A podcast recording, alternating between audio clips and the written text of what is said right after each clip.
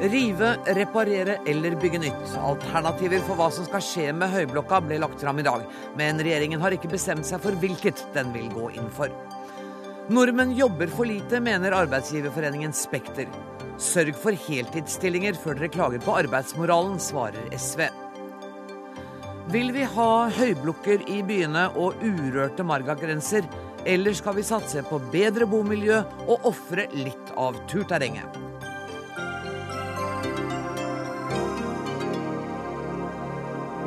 Dette er noen av sakene i Dagsnytt 18 i dag, og før eh, klokka blir 19 skal vi også minnes filosofen og miljøaktivisten Arne Næss, som ville fylt 100 år i dag. Men først altså. Regjeringen har ikke bestemt hva som skal skje med regjeringskvartalet etter terrorens ødeleggelser. Nå skal ulike alternativer utredes, og først et godt stykke ute i 2013 får vi det endelige svaret. Det opplyste fornyingsminister Rigmor Aasrud på en pressekonferanse i dag. Og statsråd, velkommen i studio. Dere har allerede utredet dette i et halvt år. Hvorfor trenger dere et år til? Det vi har utreda hittil, er jo bl.a. å fått en teknisk gjennomgang av bygningsmassen etter at man har fått rydda ut så mye i Høyblokka og i de andre bygga at man veit statusen på det byggtekniske. Og det er ingenting som eh, tilsier at vi må rive Høyblokka av byggtekniske årsaker. Så har regjeringa i dag bestemt to andre ting. Vi har bestemt oss for at vi skal la, eh, ha et samla regjeringskvartal som utgangspunkt. Det hadde jo vært et alternativ å spre mer. Mm. Eh, og vi har også bestemt at vi skal bruke statlig reguleringsplan. Så er det sånn i staten at vi har vedtatt noen regler for hvordan vi planlegger store investeringer, eh, for at vi skal være så sikre på kostnader som mulig. Og da er det helt normalt at vi tar med oss flere alternativer eh, i den prosessen, eh, sånn at vi kan få et godt beslutningsgrunnlag for om vi skal, hvor mye penger bl.a. vi skal bruke, og hvilke muligheter som ligger i regjeringskvartalet sånn som det er i dag, og hvilke muligheter som ligger hvis vi gjør andre valg enn å la Høyblokka stå. Ja, og det at man må ta med flere alternativer, det er jo ikke minst aktuelt når man sitter i en eh, samlingsregjering. Hvor stor har uenigheten vært i eh, regjeringen? Det at vi tar med oss flere alternativer, det følger av det systemet som vi har vedtatt når det gjelder kvalitetssikring av sånne bygg. Da skal vi ha med oss eh, det som på fagspråket heter et nullalternativ, og det vil være å restaurere dagens bygningsmasse og sette det tilbake igjen til sånn som det var tilnærma før det smalt. Men hvor stor er uenigheten i regjeringen? Ja, det tror jeg. jeg tror det er litt sånn at her er det veldig mange hensyn som skal vektes opp mot hverandre. Fem, seks, sju, åtte forskjellige hensyn. Og jeg tror nok det er sånn at vi kan vektlegge det litt forskjellig. men da trenger vi noe mer kunnskap, sånn at vi fatter vedtak på et kunnskapsbasert grunnlag, og ikke et følelsesmessig basert grunnlag. Du har vel allerede gått langt i å si at du syns i hvert fall ikke den bygningen er noe pen. Du liker ikke betong? Betyr det at du er en av dem som går for riving nå? Det har jeg sagt at jeg, at jeg ikke syns at Høyblokka er pen, men Høyblokka har en god del andre verdier som det er viktig å, å, vektlegge når en skal gå videre. Det er en spesiell bygning. Det er ingen andre bygninger i Norge som har skisser fra Picasso i veggene sine. Så det er helt klart både historiske og kulturmessige verdier knytta til Høyblokka. Men det er bare ett element som skal vurderes i totaliteten. Gjermund Hagesæter, du er nestleder i kommunal- og forvaltningskomiteen og representerer Fremskrittspartiet. I Dagsnytt i ettermiddag hørte vi deg si at dette tar for lang tid. Hvorfor bekymrer det deg? Er det ikke viktig det statsråden sier, at her skal alle alternativer på bordet, og alle hensyn skal tas? Det er viktig det at man har en god prosess på dette, og det er viktig også det at man har en åpen prosess på dette. Men det er òg viktig at det ikke tar for lang tid. Nå har vi altså 1550 eh, ansatte som er i dag flytta til midlertidige lokaler, der arbeidsforholdene ikke er optimale, og der sikkerheten heller ikke er så god som eh, den eh, vil være i et nytt bygg. Og Derfor så haster det å komme fram til en konklusjon og få sette i gang. Og her er det altså, sier regjeringen, nå vil det gå ett og et halvt år til kanskje enda lengre, før regjeringen altså har en innstilling klar i denne saken. Og Det er altfor lang tid. Det burde man greid seg med i hvert fall det halve.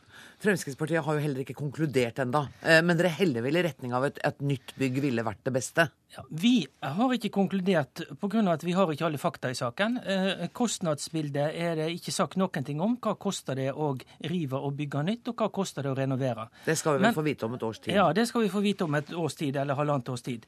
Men det som er mitt utgangspunkt er i hvert fall at selv om det koster litt mer å rive og bygge nytt, så tror jeg det er en god løsning allikevel. Pga. at da får man et hensiktsmessig, moderne bygg som er mye mer innretta for fremtiden og fremtidige utfordringer i forhold til det bygget som står der, den ramma som står der, som var bygd i 58. Michael Tetzschner, stortingsrepresentant for Høyre. Du syns at dette bygget skal stå? Ja, nå hørte vi fra statsråden at det ikke var byggtekniske argumenter for å rive det. Og hvis vi ikke må rive det, så syns jeg det skal bestå.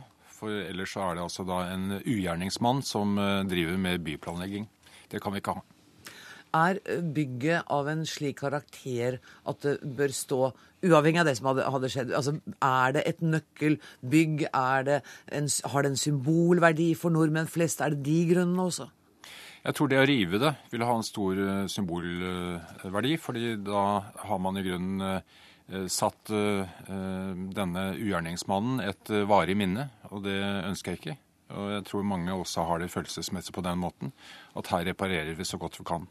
Kunne du tenke deg en mellomløsning hvor man altså f.eks. bygget på, eller endret fasader, eller gjorde en del sånne ting for å modernisere bygget? Ja, nå har jeg hørt at man kan modernisere innenfor de gitte rammene som er. Man kan reetablere fasadene, så, så, så bygget fremstår omtrent sånn som det gjorde tidligere.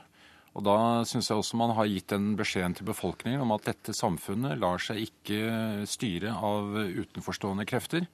Og eh, her reparerer man det som, når det da er hensiktsmessig, rimelig, forsvarlig å, å restaurere. Hva tenker du om det tidsperspektivet som statsråden legger fram for behandlingen av dette, før man kommer fram til et konkret forslag? Ja, Jeg ser jo nå at man eh, da ikke har noen mening i regjering. Eh, antagelig fordi man ikke er blitt enig. Det kan også være at man ikke helt eh, vil ta den politiske belastningen ved å si til skattebetalerne at her skal man bruke 5-10 milliarder, som har vært antydet i dag, for å samle byråkratiet enda mer. Det er også et symbol på at vi har en regjerings Eh, og et byråkrativekst eh, som da heller ikke klarer å, å innrette seg innenfor etablerte rammer. Statsråd. Ja, nå skjønner jeg ikke hva Tetzschner faktisk sier. Eh, alle tror jeg er enige om at eh, det er viktig at vi får et eh, regjeringskvartal som er funksjonelt. Eh, men det betyr jo ikke at vi ikke skal gjøre gode planer for hvordan vi skal gjøre dette. Vi skal bruke skattebetaleres penger, mye penger, og som jeg har sagt i dag, mellom 5 og 10 milliarder kroner. Og da syns jeg det er ganske oppsiktsvekkende hvis man mener at man skal ta en beslutning først, og deretter finne ut hva det alternativet man står igjen med, koster. Her er vi nødt til å ha et godt grunnlag. Så er jeg enig at man ikke nødvendigvis skal ta det billigste alternativet, for det er billigst. Her må man vekte pris opp mot funksjonalitet og en rekke andre forhold når man beslutter. Men man må også ha et annet beslutningsgrunnlag enn det vi har i dag. Hagesæter. Ja, jeg er jo langt på vei enig med statsråden. Det som Hun sier at her er det ikke bare pris, her må man da ha hva man får igjen for de pengene man investerer. Og hvis man får et, et bedre og mer moderne bygd, så kan man også bruke mer penger. Men det er eh, altså bare Tetzschner i dette studiet ja. som snakker om symbolverdien og, ja. og, og, og det, den det, virkeligheten vi nå lever i. Det syns jeg er et blindspor. For dette bygget det har altså ikke noen nasjonal symbolverdi. Det er muligens noen plasser i Akersgata, i, i Oslo, blant arkitekter og sånn, så har dette eh, bygger her en eh, symbolverdi, nasjonal symbolverdi. Men utover i landet så har den ikke det. Så det at en terrorist ville sprenge dette bygget, det betyr ingenting, tenker du, for den framtidige valg? Jeg synes altså ikke at gjerningsmannen skal være med og legge premissene hva vi gjør. Nå er det viktig det at man får bygd opp igjen dette her. Regjeringskvartalet og Høyblokka, og altså at man får husa de departementene tilbake igjen. Og, eh, og det skal man gjøre ut ifra hva som vi er mest tjent med for fremtiden, både i de neste 50 år og 100 år fram i tid.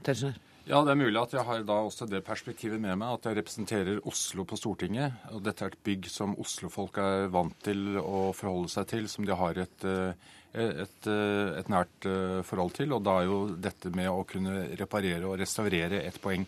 Og så må jeg si at det er jo ikke likegyldig om man reparerer på noe som byggteknisk har en, en god struktur. Ehm, og om man da lager et kjempeprosjekt som vi også da vet vil inneholde langt større usikkerheter når det gjelder eh, den økonomiske rammen. Da sier jeg takk til dere. Vi skal fortsette å snakke om regjeringskvartalet i eh, Dagsnytt 18, men jeg sier takk til Rigmor Aasrud, Gjermund Hagesæter og Michael Tetzschner. For eh, nå skal vi nemlig få inn eh, flere som mener mye og sterkt om dette. Som vi har hørt, så har statsråden oppfordret folk til å komme med innspill om hvordan dette kvartalet skal bygges opp etter terrorangrepet 22.07. Og noen innspill skal hun få allerede i kveld. Vetle Lid Larsen, forfatter. Du sier at det er viktig at det ikke bare er politikere og arkitekter som skal mene og bestemme om dette. Hvorfor ikke det? Altså, først og fremst har jeg veldig sympati for um, synspunktene om at dette har fått en større symboleffekt nå etter 22.07. Men, men, men jeg syns at hvis det nå er visse grunner til for at man skulle kunne eh, rive dette her, så tror jeg ikke det ville vært en ulykke, rett og slett. Altså, jeg tror at, at um, et, nytt bygg vil også kunne få en symbolverdi i kraft av et monument over at man har seiret over nettopp det onde og det forferdelige vi har vært utsatt for. Og at dette faktisk kunne vært en mulighet til å skape noe nytt nå, som kunne hatt en større estetisk verdi og vært et hyggeligere innslag i bybildet det. fordi at dette bygget er ikke bare et arkitektonisk verk, det er også en del av en by. Og byens stemme, den skal også høres. Og jeg representerer da byens stemme, i hvert fall delvis. Og den er også viktig i denne sammenhengen. Du har sagt at, at det er et umenneskelig preg, eller et iskaldt preg over dette? Ja, jeg syns jo ikke Jeg har sett min, min, min gode kollega her har omtalt dette som demokrati i betong. Og til tross for at jeg har sans for den historiske den historien som har utspilt seg innenfor veggene, så syns jeg bygget i seg selv utstråler det, det, det motsatte. Altså at jeg syns det er autoritært svært avvisende, kaldt, og jeg syns det er eh, et dominerende eh, bygg som, som, jeg ikke vil savne. Og jeg tror ikke det er mange som ville savne det heller, av estetiske grunner i hvert fall.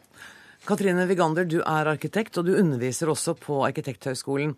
Eh, kan du forklare meg hvorfor du tror så mange arkitekter er begeistret for regjeringskvartalet, og, og særlig for Høyblokka? For det er jo mange som tenker som Vetle at det er veldig ja. lite hyggelig der. Ja. Det henger nok eh, Først og fremst så henger det sammen med at det er tegnet av Erling Viksjø, som som er jo en av de kjente arkitektene som man kan være stolt av i Norge. Så henger det sammen med at uh, arkitektstudiet både i Norge og egentlig i Europa Du går gjennom en sånn kvern hvor de fleste syns det samme, og det er ofte det motsatte av de vi skal bygge for. Ja, Hva kommer det av, tror du? Ja, Det har jeg jo stilt meg selv, det, det spørsmålet der.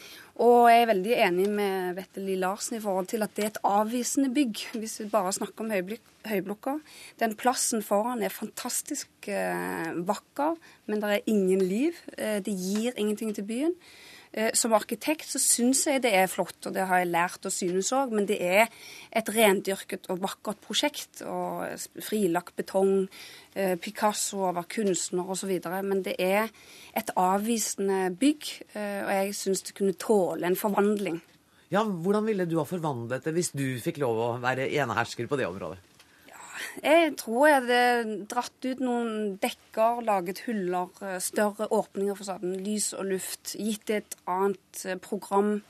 Eh, gitt en ny kåpe, altså et nytt uttrykk, gjerne et minnesmerke. Kanskje man burde flytte Munch-museet inn. Munch-museet til Hauge. Det er i hvert fall en Bare for helt, nå, siden debatten og, ja, Hvis vi kan da liksom tenke alt, kan det bli hotell der, f.eks.? Kan man For eksempel, men det burde jo gi noe tilbake til byen. Det burde gi det, noe tilbake. Det bør gi noe til byen. Mm.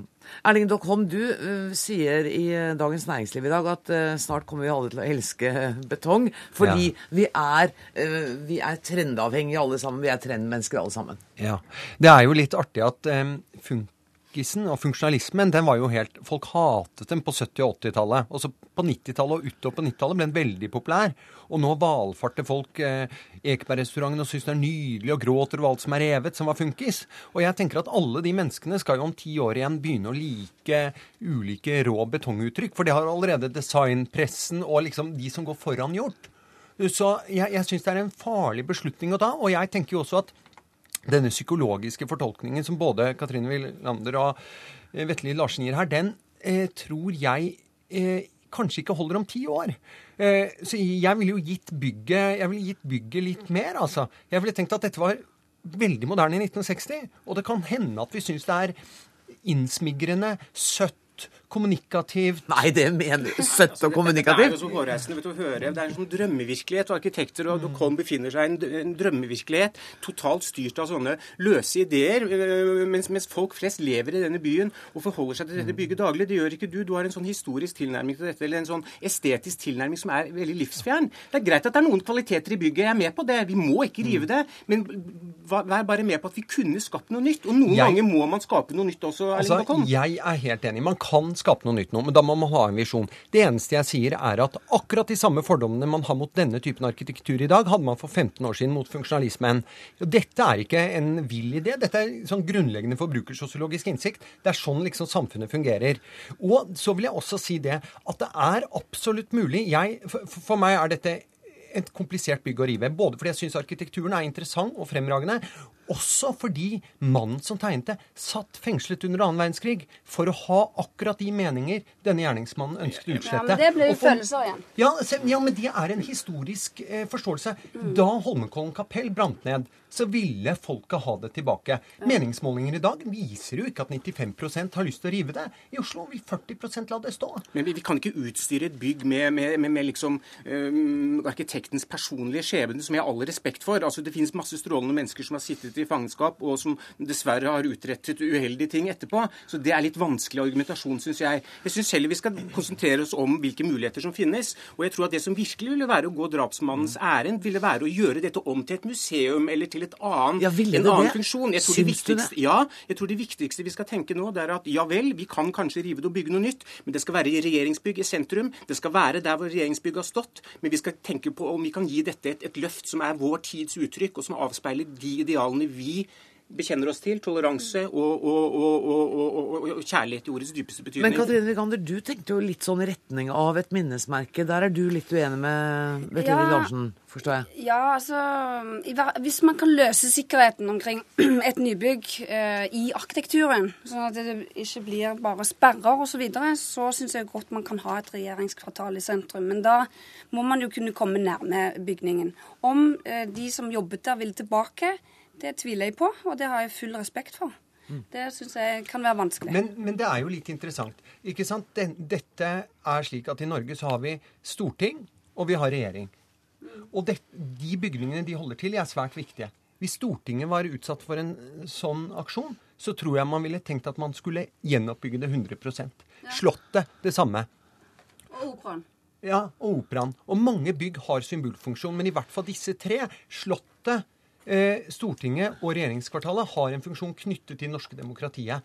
Og det at vi sitter her i 2012 og skal bruke våre estetiske oppfatninger om det skal stå eller ikke, syns jeg er veldig vågalt. Jeg tenker at det er bygget i sin tid med sine tanker, og vi skal være det å rive ting som det er lagt ned så mye mening i, det er en veldig Men, men, grov men, men vi må forholde oss sånn til historien også. Dokon. Vi kan dessverre ikke bevare alt. Hver tid har bare sine egne estetiske prinsipper å hvile på. Vi må vurdere dette, og vi må se om vi ikke kan finne nye løsninger basert på det, det ståstedet vi har i dag. sånn at vi, vi, vi kan ikke bevare alt. Det er en sånn konserverende, konservativ holdning som jeg syns er litt forbløffende at, at du har. Vi må også tenke nytt noen ganger og skape noe nytt. Og dette er jo en, en gyllen mulighet. Du er jo enig med meg i det. Hva enig du gjort? Hva ville du gjort f.eks. hvis vi tenker oss et nytt bygg? Du er jo en, en, en mann med mange kunnskaper på området. Hvordan kunne du sett for deg et nytt bygg hvis vi nå bare leker med den tanken? Men jeg har ingen problem med å se det. Jeg har også skrevet litt om at man kunne gjort ting, og man kunne bygd på og gjort endringer. Og jeg, jeg, jeg skjønner alle de argumentene, men jeg tenker nok at den ideen for eksempel som Hagesæter hadde her, at dette ikke betyr noe utover i landet,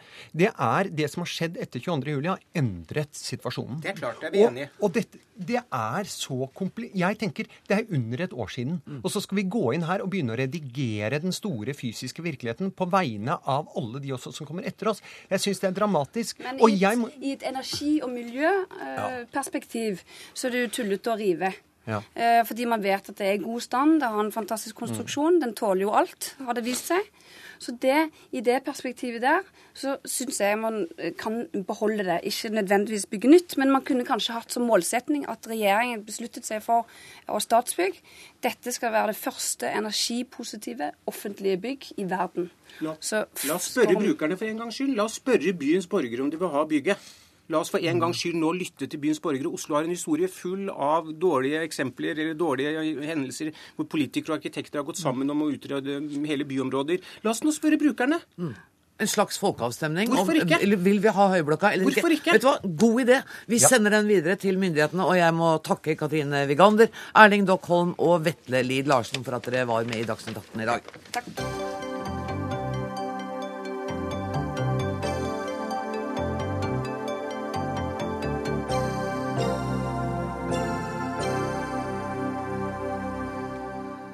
Da skal det dreie seg om arbeidsliv her i Dagsnytt 18. Føler du at du jobber for mye? eller for lite? Vil du helst jobbe heltid eller deltid? Kan du jobbe noen timer ekstra på onsdager for å slippe å jobbe torsdager? Dette er spørsmål som Arbeidsgiverforeningen Spekter mener regjeringen har forsømt å ta stilling til i stortingsmeldinga om arbeidsmiljø som ble lagt fram i august i fjor. Og derfor har dere altså skrevet et forslag til et helt nytt kapittel, viseadministrerende direktør i Spekter, eh, Anne Kari Bratten. Hva handler dette kapitlet om? Det handler om hvordan vi skal utløse mer arbeidskraft i Norge ved å se på hvordan arbeidstiden organiseres på norske arbeidsplasser. Det er veldig viktig for Spekter å understreke at de yttergrensene vi har i arbeidsmiljøloven i dag om hvor mye man maks skal jobbe, de må bevares. Må ikke hives på dynga, sånn som enkelte andre tar til orde for. Men det er innenfor dette vi må se på hvordan arbeidstiden kan organiseres. Så dere vil beholde de begrensningene som ligger i dagens arbeidsmiljølov, både når det gjelder antall overtidstimer og helgehyppighet? f.eks. Ja, absolutt. Eh, men hvorfor er denne type fleksibilitet så viktig for en arbeidsgiverforening, hvis det er arbeidstakerne dere er opptatt av her? I, om bare noen få år så vil det være 1,7 arbeidstakere bak hver pensjonist i Norge.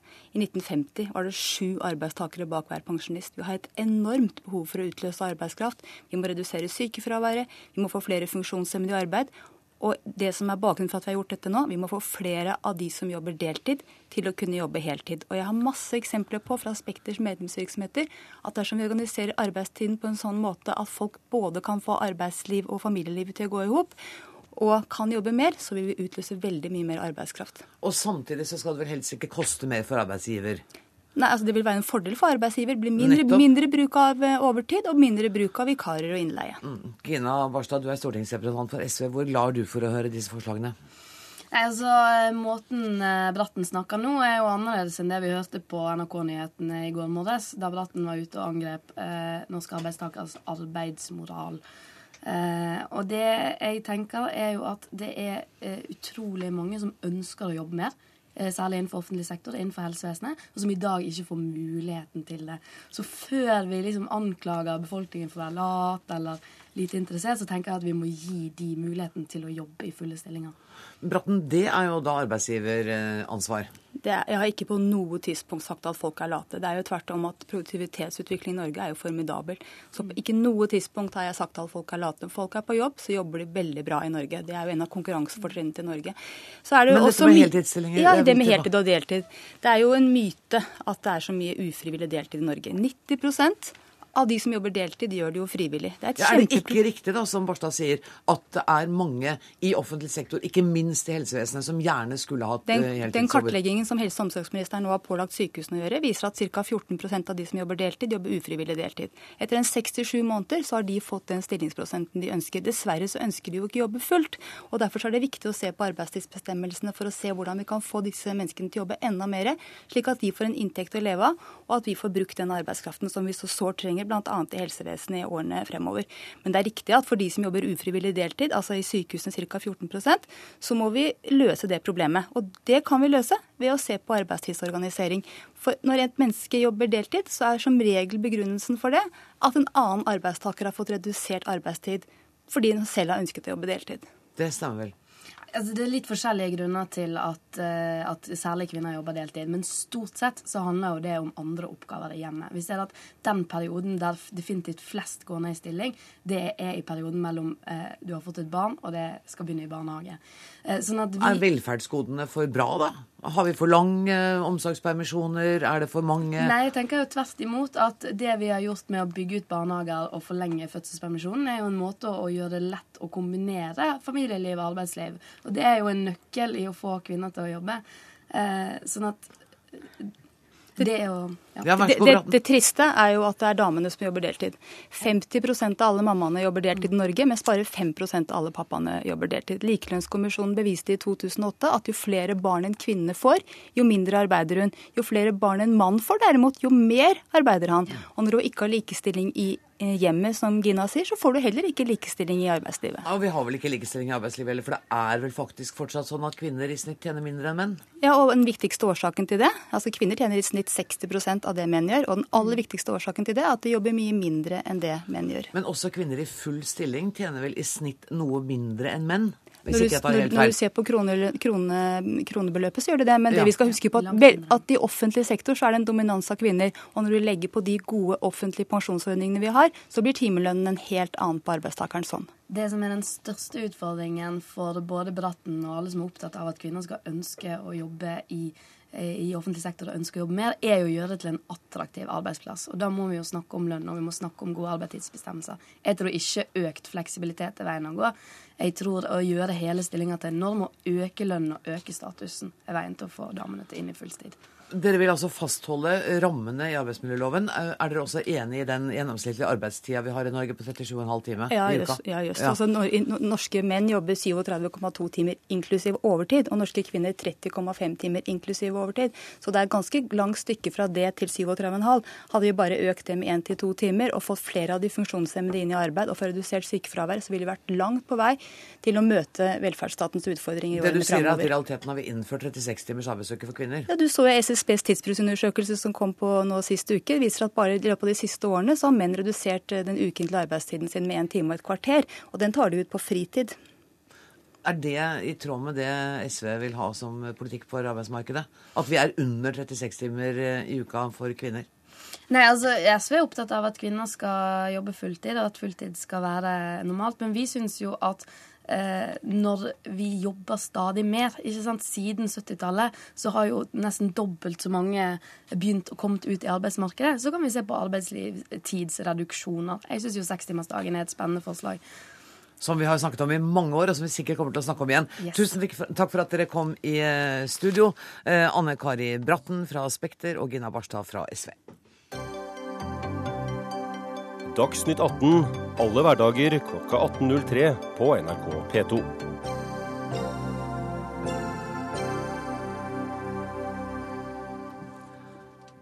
Som vi har hørt i Dagsnytt tidligere i dag, så mener norske utbyggere at markagrensa må ofres i de store byene for å få nok boliger til folk.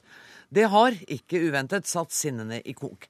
For er det noe som vekker sterke følelser her til lands, så er det Marka. Enten det dreier seg om Nordmarka i Oslo eller Bymarka i Trondheim, eller andre friluftsområder i nærheten av byene. Og Pål Syse, du er kommunikasjonsdirektør i Skanska, som er en av landets største utbyggere. Hvorfor går dere, ut, går dere inn for å bygge ut Marka rundt de norske byene?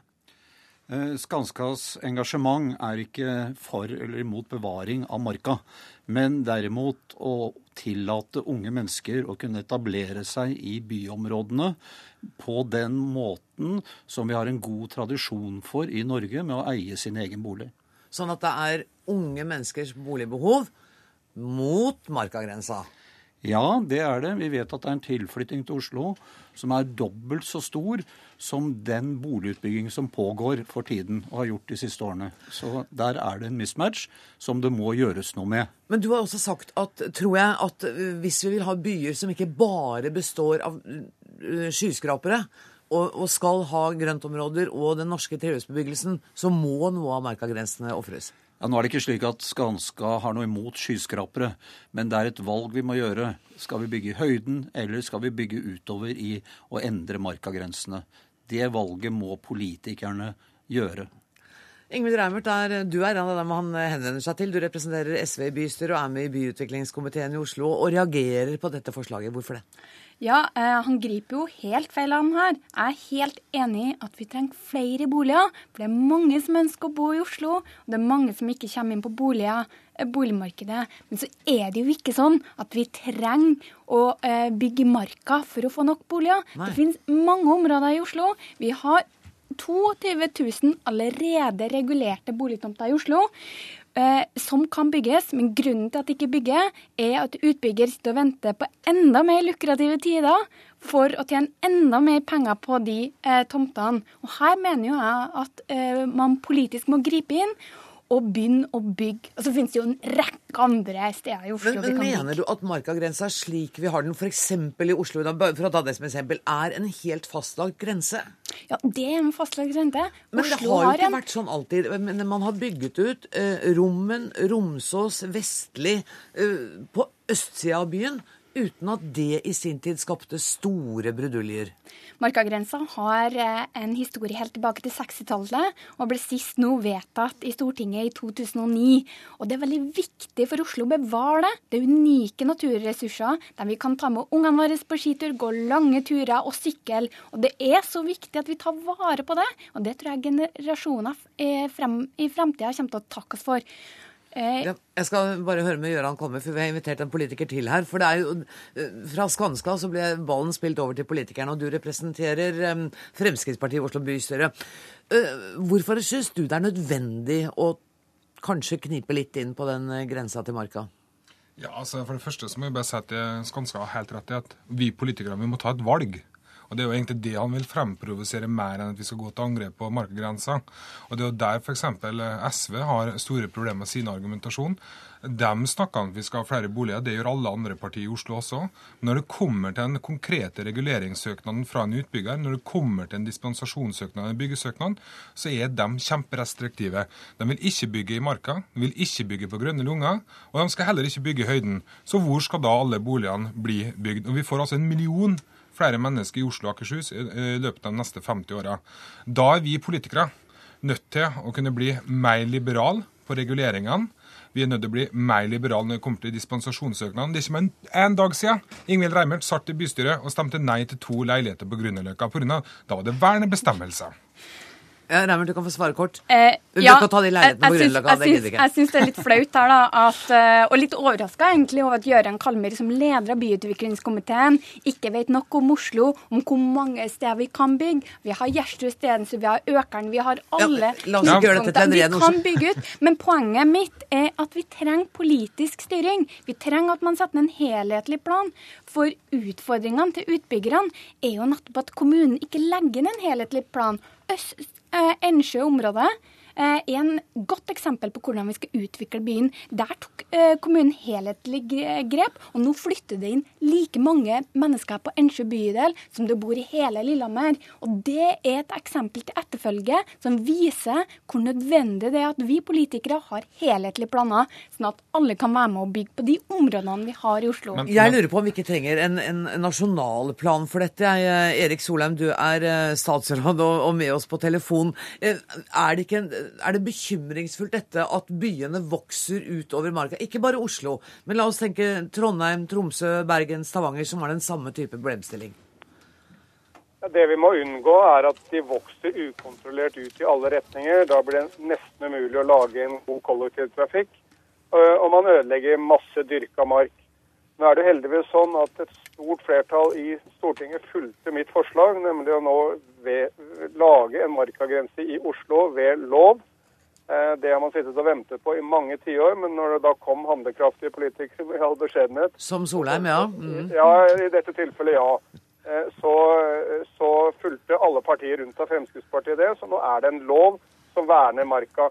Heldigvis er det ikke nødvendig å bygge marka, for vi kan bygge høyere i Oslo. Det har man gjort i andre byer i Europa uten at noen har tatt skade av det. Og vi kan ta i bruk mange gamle industriområder som er nevnt her. Ensjø, Nydalen har vært tatt tidligere osv. Og, og, og, og bygge der. Så må jeg bare si én ting til. og det er at Husk på at vi er jo hele mennesker. Mennesker, Vi trenger boliger. Men det som gjør norske byer fantastiske, er jo også fri, friluftslivet. Muligheten for å reise ut i marka. Jeg var i marka sist søndag. Det var som om hele Oslo var der. Det, det krydde og yrte av liv. Og hvis dette skal nå henlegges mye lenger ut, fordi man tar de nærmeste områdene rundt byen i Østmarka, Lillemarka og Nordmarka til, eh, til boliger, så vil det gå et enormt, være et enormt tap for det samlede livsopplevelsen i Oslo. Da må Pål Syse fra, fra Skanska få svare, for du har bedt om ordet lenge nå. Uh, Ja, det er jo slett ikke snakk om å utradere marka. Eh, Det vi har brakt inn i diskusjonen, det er å se på markagrensene nettopp som en del av en totalplan, hvor vi både ser på høyder på byggene, vi ser på markagrensen, og vi ser på konvertering av nåværende industri- og handelsområder til boligområder, som skjer bl.a. på Ensjø. Det er altså snakk om å flytte grensa bitte lite grann, ikke å utrede Vi, hele marka. vi sier at det må inn i debatten. Det kan ikke være tabu å snakke om markagrense når vi snakker om fremtidig boligutbygging i Oslo og andre store Da er det først Reimert. Ja, for det Kanskje og Frp vet like godt som meg at hvis vi begynner å diskutere markagrensa, så blir det lettere å ta litt, og så tar man litt til og litt til, og til slutt så står Så man igjen med ingenting. Nettopp. Men det var egentlig bra at Erik Solheim kom inn for å få det litt større perspektivet. Overraskende at en vi- SV sier det. Ja, det var flott. Godt bidrag i debatten. Nei, men Poenget er at vi må ha litt større visjoner, og vi må tenke litt mer helhetlig. Og da må vi begynne å tenke Oslo og Akershus sammen. For det er masse folk som pendler fra Lillestrøm, Ski og Asker, og de må få bedre pendlermuligheter. Og så lenge Frp sitter og ikke vil prioritere kollektivtransport, så blir det vanskelig for dem å pendle, og da får vi ikke en helhetlig Da, transport snakka vi om i går. I dag snakker vi om markagrensa og boliger. Frp. Ja, men jeg Bare er hold deg unna transporten SV er nå. faktisk li- inne på et lite poeng. Altså, vi kan droppe å snakke om markegrenser hvis vi faktisk løser de andre mulighetene først. Vi kan bygge høyere. Det har Fremskrittspartiet alltid vært for. SV stritter imot. Vi kan se på at vi kan bruke verna bygninger på en litt bedre måte. SV er imot det også. Og SV er stort sett imot alle dispensasjonssøknader. Og så kommer det mest interessante som Erik Solheim nevnte. Dette man skal også verne, verne på dyrka mark. Og Hvis man tar et kart over Oslo og Akershus, og så ser man hvilket område er det som ikke er beslaglagt og båndlagt av eh, diverse vernebestemmelser, så er det rundt 10% av hele Oslo og Akershus. Så det er nesten ikke mer plass på, for enten så skal man verne marka, eller så skal man verne dyrka mark, eller så er det kulturminner, eller så er det strandsone. Altså, alt dette her nå Hører du det, gjør Solheim? at Det er blir ikke en boligmangel. Så er den boligmangelen er egentlig politisk skapt. Jeg en fantastisk eventyrforteller som sier veldig mye. La meg bare, la oss være saklige et lite øyeblikk. Det er to store områder, typer områder som vi kan ta til eh, den økte boligbyggingen som vi absolutt trenger i Oslo. Det ene er å ta i bruk mange industriområder, ensområder som også var svære biloppstillingsområder for, for bilfirmaer, som selvfølgelig også kan bygge høyden. Ta disse områdene i bruk. Det ligger tusenvis av tomter klare til å begynne å bygge. Og det andre er å begynne å bygge høyere. Jeg bor i fjerde etasje, ungene mine bor i fjerde etasje. Tror ikke vi vil ta skade av å bo i femte og sjette. Reis bare til, til Stockholm og København og se byer som er litt høyere enn Oslo. Eh, vi kan bygge høyere, vi, og vi kan gjøre det på en mye mer fantasifull måte enn før. Med grønne tak, med restauranter og, og, og ballbinger i høyden. Det er masse muligheter, og hvis man bare får de, de beste arkitektene i gang. Bare fantasien setter grenser. Jeg må sette strek, jeg. Og sier takk til Pål Syse, Ingvild Reimert, Gøran Kalmyr og Erik Solheim.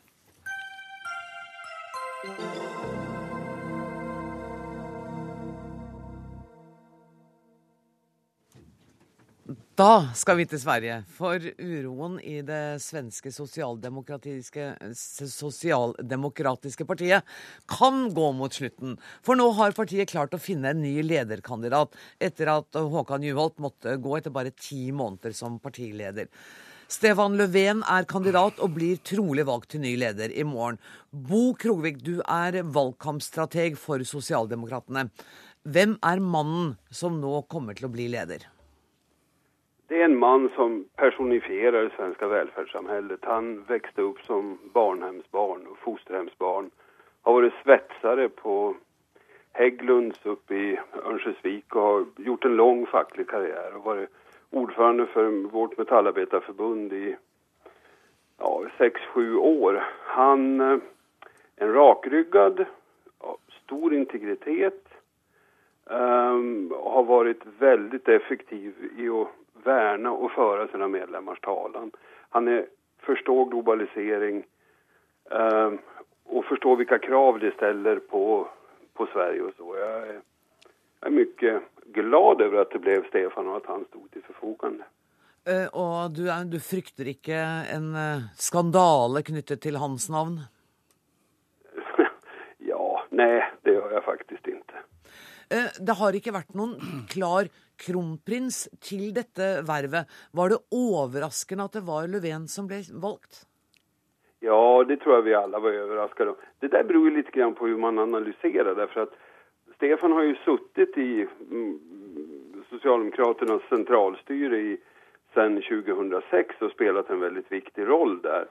Men det har han jo gjort i kraft av å vara, eh, både for sin person men også at han er ordförande i i Metall. Eh, och det är väl ingen som riktigt har betraktat honom som 100% politiker som han nu kommer att bli. Och därför har inte han ingått i de här eh, mediaspekulationerna om vem som håller ihop på vem, med vem och vem som eh, eh, och, och vilka som skulle kunna vara möjliga kandidater. Han har ju funnits med hela tiden. Men jag tror att det viktiga med honom, och det har han ju visat i sitt nuvarande värv, är ju att han har en stark förmåga att samlas och jag tror att social, och samla folk. Och jag tror att socialdemokratin har, som är i kanske sin djupaste kris, i alla fall under de 45 år jag har varit medlem, eh, har ett behov av en samlande kraft. Tusen takk for at du var med i Dagsnytt 18, Bo Krogvik, som er valgkampstrateg for Sosialdemokratene. Eh, Martin Kolberg, eh, vi hørte Krogvik var fornøyd med valget. Er du like fornøyd? Ja, det må jeg si. Eh, spesielt i den situasjonen som partiet nå er. Eh, de har jo Det er en dyp krise, som Krogvik sa. Ja, definitivt. Absolutt, altså. Og eh, nå har de valgt eh, Stefan, og det er det du kan kalle for en eh, trygg løsning, men også da en riktig løsning i den aktuelle situasjonen. Han er en ur-sosialdemokrat, har jeg kalt han, slik som eh, Bo Krogvik her også sier. Eh, en veldig trygg fagforeningsmann, og som åpenbart har sosialdemokratiets sosiale forståelse i kroppen. Ligner litt på deg, egentlig? Ja, det var noe veldig pent sagt. Det var noe veldig pent sagt, da. Men, men, men dette er, en, det er en godt utgangspunkt for å kunne gjøre en god jobb. Men han sitter jo ikke i Riksdagen. Er ikke det et problem? Jo, det er et problem. Det er en svakhet i strategien. Det Si noe annet vil være veldig tullete. Slik at det vil jeg være veldig tydelig på. At det er klart at det er et problem. Det betyr jo at gruppelederen i Riksdagen vil få en enda mer sentral rolle enn hva han normalt har hatt. For å være oppmerksom på at svenskene har jo et litt annet system enn det norske. Partilederen er også sjefen for gruppa. Men sjefen for gruppa kan altså nå ikke opptre i Riksdagen. det er problematisk, vi ser jo det. Ja, det er en problematisk situasjon. Men, så det er vi enige om. Men de, var, de, gjorde dette nå for at han skal bygge partiet, han skal samle partiet, og han skal selvfølgelig ta den store offentlige samtalen. Og det blir hans oppgave fram til neste valg. Og det er han rette mann til i denne situasjonen. Kjell Pilstrøm, du er vår tidligere Sverige-korrespondent. Var du også overrasket? Ja, jeg må si han var ikke den vi først og fremst tenkte på i det virvaret av kandidater som stort sett bare har sagt nei hele tida. Men han har vært med i bakgrunnen hele tida, og han har jo vært også en ganske sentral mann i verkstellende utskottet, altså sentralstyret. Mm. Men han var veldig vanskelig å overtale, det har vi fra mange kilder. Og jeg tror nok det satt langt inne å få han utpekt som partileder. Men da han først uh, framsto, så gjorde han et ganske sympatisk inntrykk. Men han har en enorm oppgave foran seg. Og da han først sa ja, så fortalte han det først til sin mamma? Ja, han gjorde visst det. som ikke kunne holde tett. så hun fortalte det til pressen. Ja. Litt lattermildt har, har, hun innrømmet det.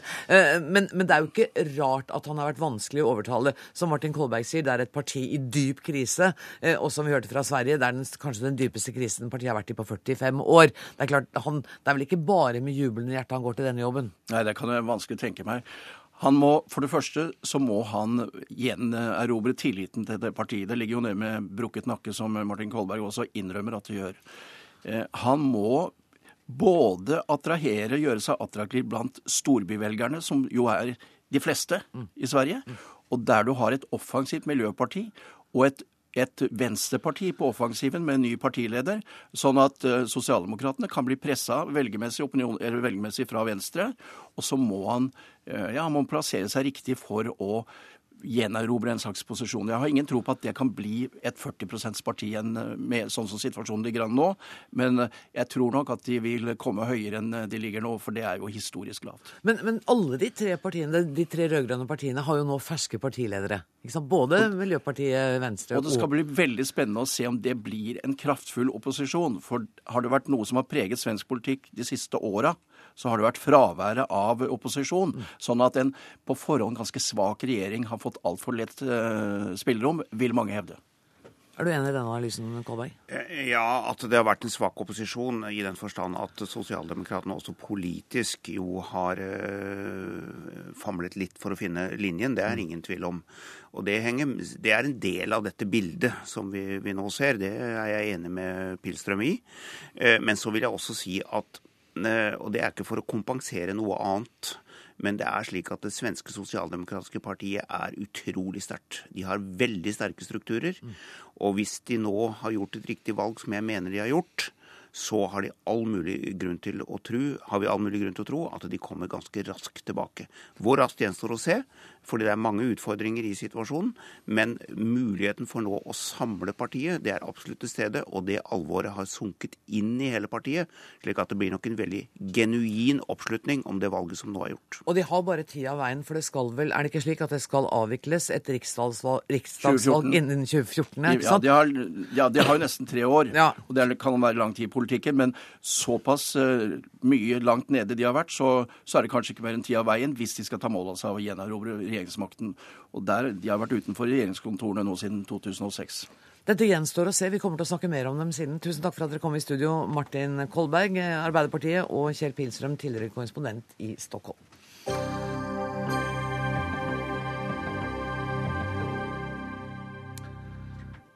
I år er det 100 år siden filosofen, rabulisten og miljøaktivisten Arne Næss ble født på Slemdal i Oslo. Og i morgen er det festforestilling i universitetets aula i anledning filosofens virke. Vi skal eh, starte mimringen litt i dag, og jeg begynner med deg, Petter Meilender. Du er forfatter og fotograf. Du var mye sammen med Arne Næss de siste årene han levde. Går det an å beskrive ham kort presist og rettferdig? Det går an å beskrive han kort og rettferdig og langt og rettferdig. Eh, Arne var en likende kar. altså Han var impulsiv, han var seg selv. Han eh, Eh, eh, ga uttrykk for sin forundring over å være til stede som menneske i verden. Alt var, Det var nesten som han kom direkte fra Mars og så verden for første gang. Og ga uttrykk for glede og begeistring over at bølgene rullet bortover havet, at bladene rørte på seg på trærne. Og det er jo fabelaktig. Ja, men Du ser et tre, altså alle bladene rører på seg på forskjellig måte. Det er jo helt ufattelig. Må jo være matematiker for å skjønne det. Men han tok altså dette, denne her, inntok denne naive naive, barnlige holdningen. Og så var han ikke redd for å dumme seg ut. Han, han slapp ut sin menneskelighet. Han, han likte ikke... å dumme seg ut? Ja, jo, han likte å være et menneske. Ja. Og jeg mener, ikke sant, Han var ikke redd for å være et menneske. Og øh, jeg mener, Vi andre er kanskje litt redde for å være mennesker. Og det er jo litt farlig. ikke sant? Hvis du begynner å bli redd for din egen menneskelighet, dine egne litt sånn Er jeg Eh, klarer nok i toppen til å stille dette dumme spørsmålet som roter inn i huet mitt. Ja. Arne sa nei, slipp det ut, da. Og vær fornøyd med det du får til. Hvis du får til en reaksjon, så vær fornøyd med det. Jeg tror du ikke skal være glad for at vi ikke alle driver og slipper ut alt vi har oppi huet hele tida. Jeg, jeg, tenker det i hvert fall. For ja, min egen del, altså. Ja, altså Arne er et forbilde, ja. ikke sant? Eh, vi skal ikke kopiere han, men, men eh, eh, vi kan kopiere hans selvkritikk. Altså at du, du skal være kritisk i forhold til deg selv. Du skal slippe ut ting, men du skal også være kritisk kritisk til deg selv. Om det var noe helt lurt å gjøre det der. Ja. Ta imot de impulsene du får fra andre. Men... Og så var han, eh, han var leken, og han var kjent for kjærligheten til tøygrisen Timotei. Ja. Og, og eh, vi skal høre på et ørlite innslag her fra år 2005. I dag vil jeg snakke om dukker. Jeg syns det er fint at voksne mennesker leker med dukker. Eller med bamser eller fantasidyr. Selv har jeg en god venn som er tøygris. Han prater jeg med hver eneste dag. Mange mennesker synes det er rart at jeg som en professor leker med en tøygris. De synes jeg er rar. De mener voksne mennesker ikke skal leke med dukker. Voksne skal vokse den slags fra seg. Det er rart at voksne syns det er flaut og leke med det de lekte med som barn. Ja, ikke sant, Timotei? Så lenge vi lever, skal vi ha lek. Så lenge vi lever, skal vi ha lek, sa han. Dette er utrolig vesentlig for mitt forhold til Arne. Jeg, jeg, jeg, skrev jo eh, dette morgenkåseriet foran for han og sammen med han. Uh, og Timotei, jeg, jeg påstår jo det at Timotei gjorde livet til Arne bedre. Fordi Timotei forandret ham som menneske. Eh, eh, Timotei gjorde ham glad. Og, og, forklaringen er så enkel at Arne hadde et, eh, i, Da han var i full virksomhet, så hadde han et veldig sterkt forhold til fjellet. Fjellet ga ham trygghet. Det var liksom far.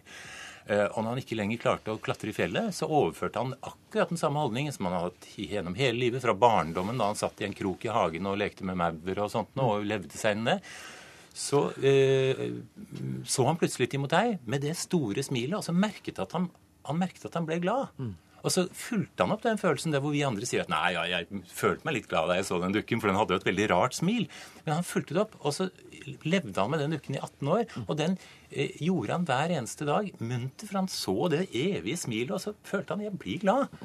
Og, og, og, og, det er igjen å bruke de erfaringene du selv har i livet. Det var Arnes filosofi som gammel. altså at Han, han lyttet fortsatt til kroppens eh, signaler, så å si.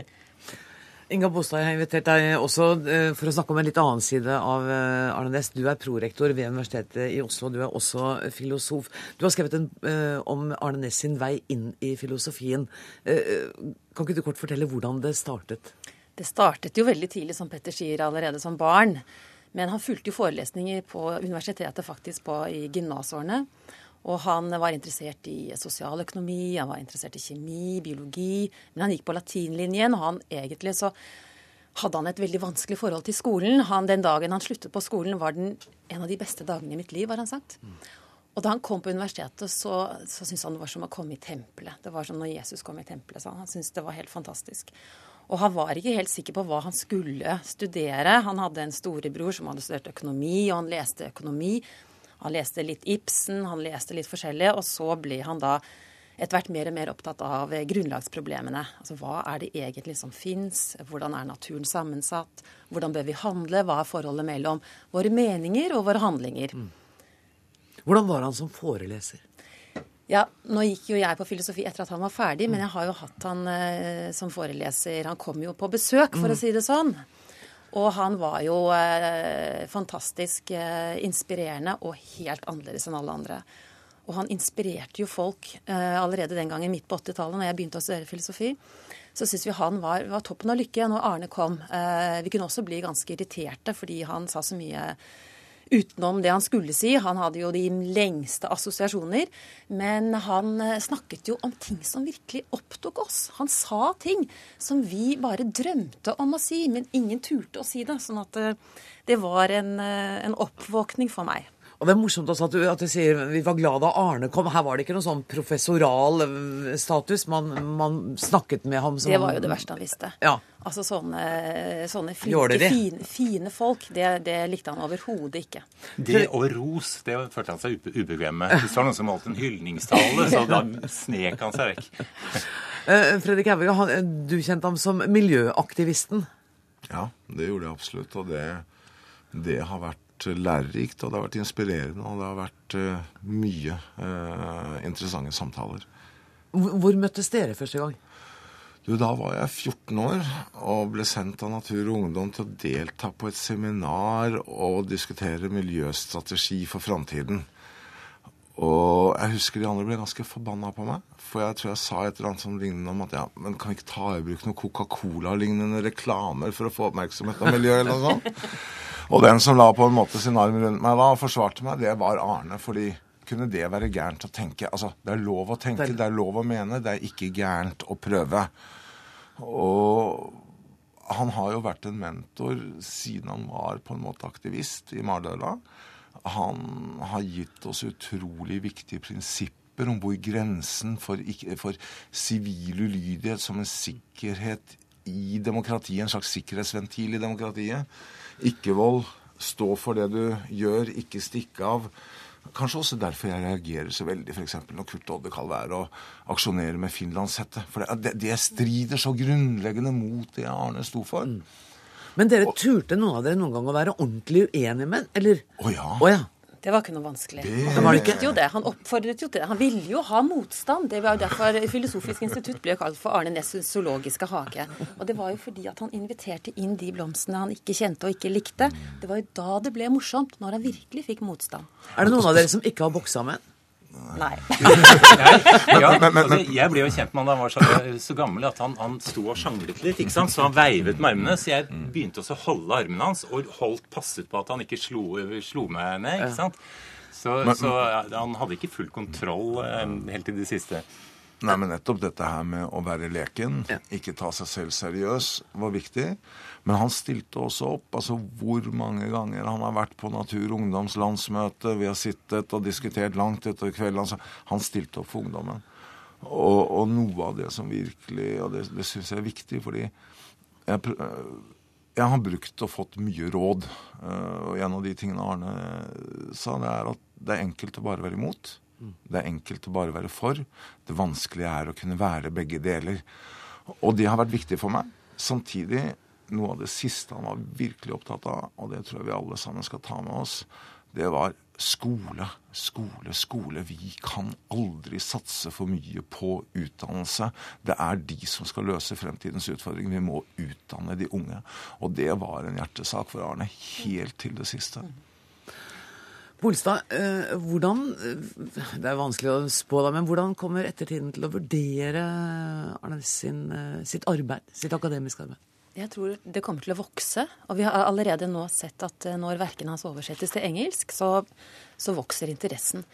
Og jeg opplever nå titt og ofte at det kommer forskere fra USA f.eks. og sier til meg at de valfarter til, til Norge for å gå på hytta til Arne Næss og se tverrkasteren. Så en del av hans filosofi ser ut nå til å bli mer og mer aktuell. Han sa jo flere ganger at Peter Wessel Zapfe var en mye større tenker enn meg. Uh, og da vi skrev den inn i filosofien, så var det nettopp fordi han mente han var mest original da han var yngre. Altså mellom hans magistergrad og hans doktorgrad. Mm. Så vi leste alle de bøkene om igjen.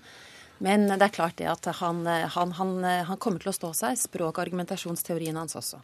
Og vi må si takk for eh, denne runden om eh, Arne Næss. Det er slutt på Dagsnytt 18 for i dag. Ansvarlig for sendingen har vært Karoline Rugeldal. Det tekniske ansvaret har Karl Johan Rimstad. Jeg heter Anne Grosvold. Vi høres igjen klokka 18.03 i morgen. Takk for nå. you